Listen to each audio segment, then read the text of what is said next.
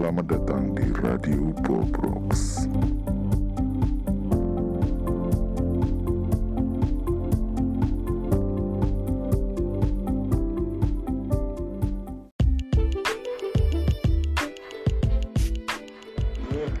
Halo, apa kabar? Jumpa lagi dengan Mas Aidi di sini ya.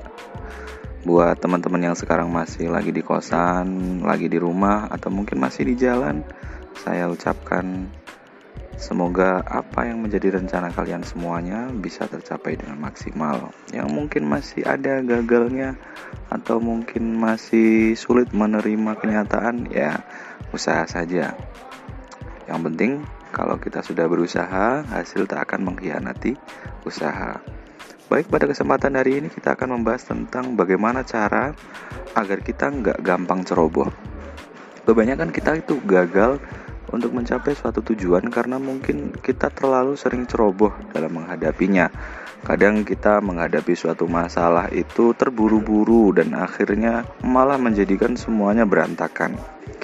Mas Aidi di sini akan membahas tentang bagaimana cara agar kita nggak gampang ceroboh tetap di radio bobrok ya kawan tanda-tanda ceroboh itu yang pertama adalah mudah baper apakah kamu termasuk orang yang mudah baper? Artinya belum apa-apa sudah merasa seperti ini. Belum apa-apa sudah merasa seperti itu. Kadang mudah baper itu merupakan pemicu kita mengambil keputusan yang terlalu terburu-buru. Tanda-tanda ceroboh yang kedua adalah mudah mengklaim.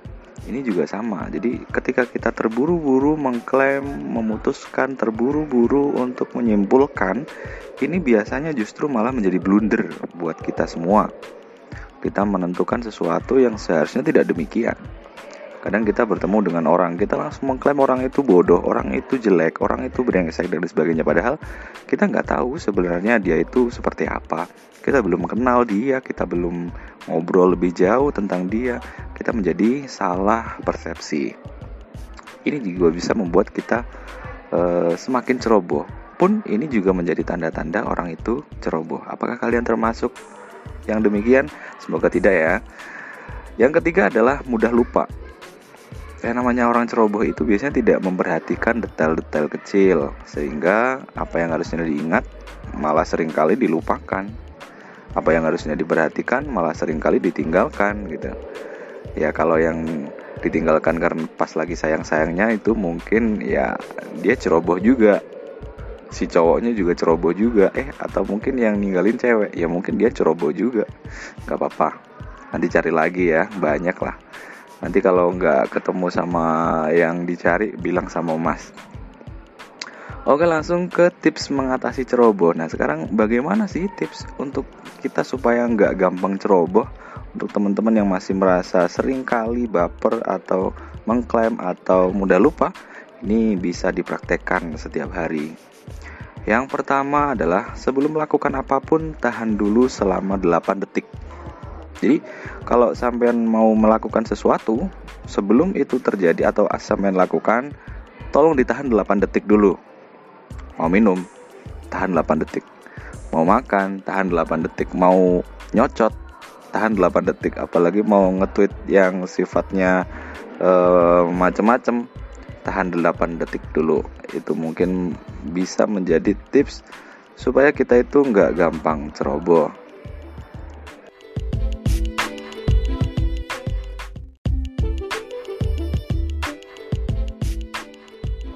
Ya kalau menurut Mas pribadi sebenarnya ceroboh itu uh, wajar ya, maksudnya bukan sesuatu yang berbahaya kecuali kalau memang menghancurkan produktivitas kita dan juga bisa merusak uh, bagaimana kita bekerja atau bisa membuat kita nggak nyaman dengan itu. Maka ini perlu untuk merubah tradisi dan karakter kita yang ceroboh ini.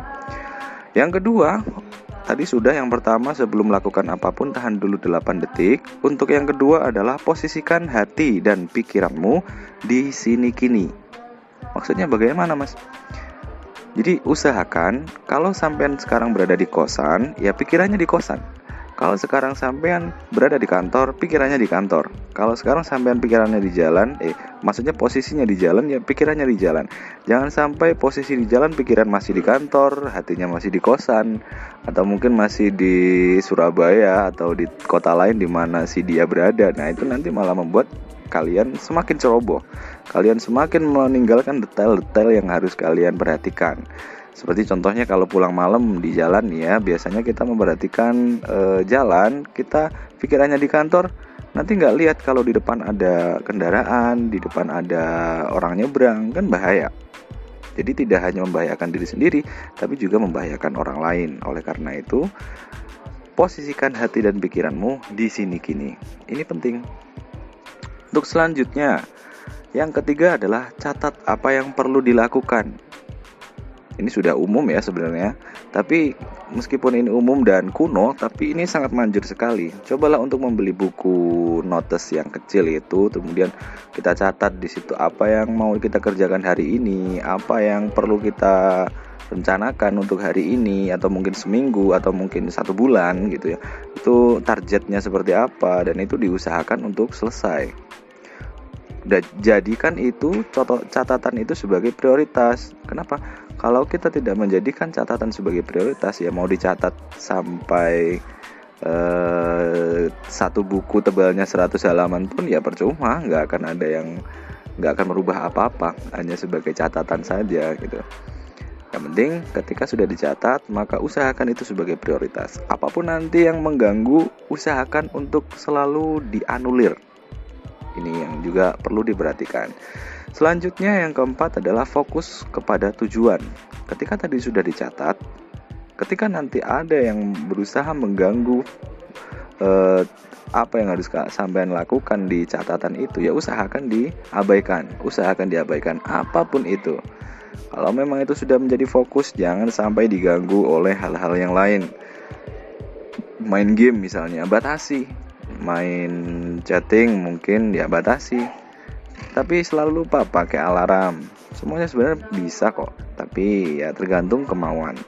Yang terakhir adalah niat untuk berusaha meningkatkan diri. Dan ini yang paling penting. Yang terakhir niat untuk mau berusaha meningkatkan diri.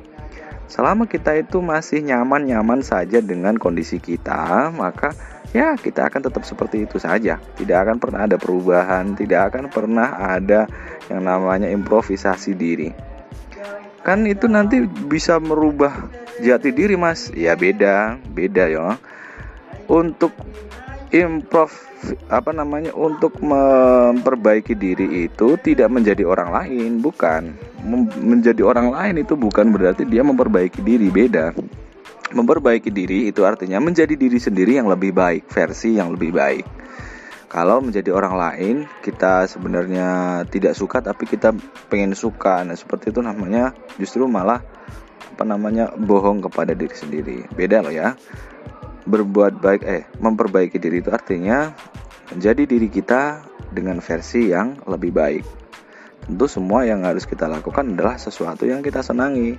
Usahakan apa pun yang sampean lakukan, apa pun yang kamu lakukan itu semua adalah sesuatu yang kalian senangi.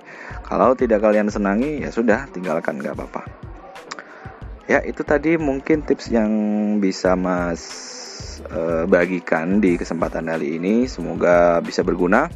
Kalau mungkin ada yang mau ditanyakan silahkan reply di atau DM di at mas underscore ID nanti barangkali mas bisa jawab ya mas jawab kalau nanti nggak bisa ya mas cariin dulu kalau mungkin nanti mau mas bahas di sini perlu penjelasan yang lebih panjang nanti mas buatin podcastnya juga dan jangan lupa untuk uh, favorit di Ancor FM Radio Bobrok ya Terima kasih sudah mendengarkan Mas Adi pamit. Semoga kalian semua diberi kedamaian dan sejahtera. Salam.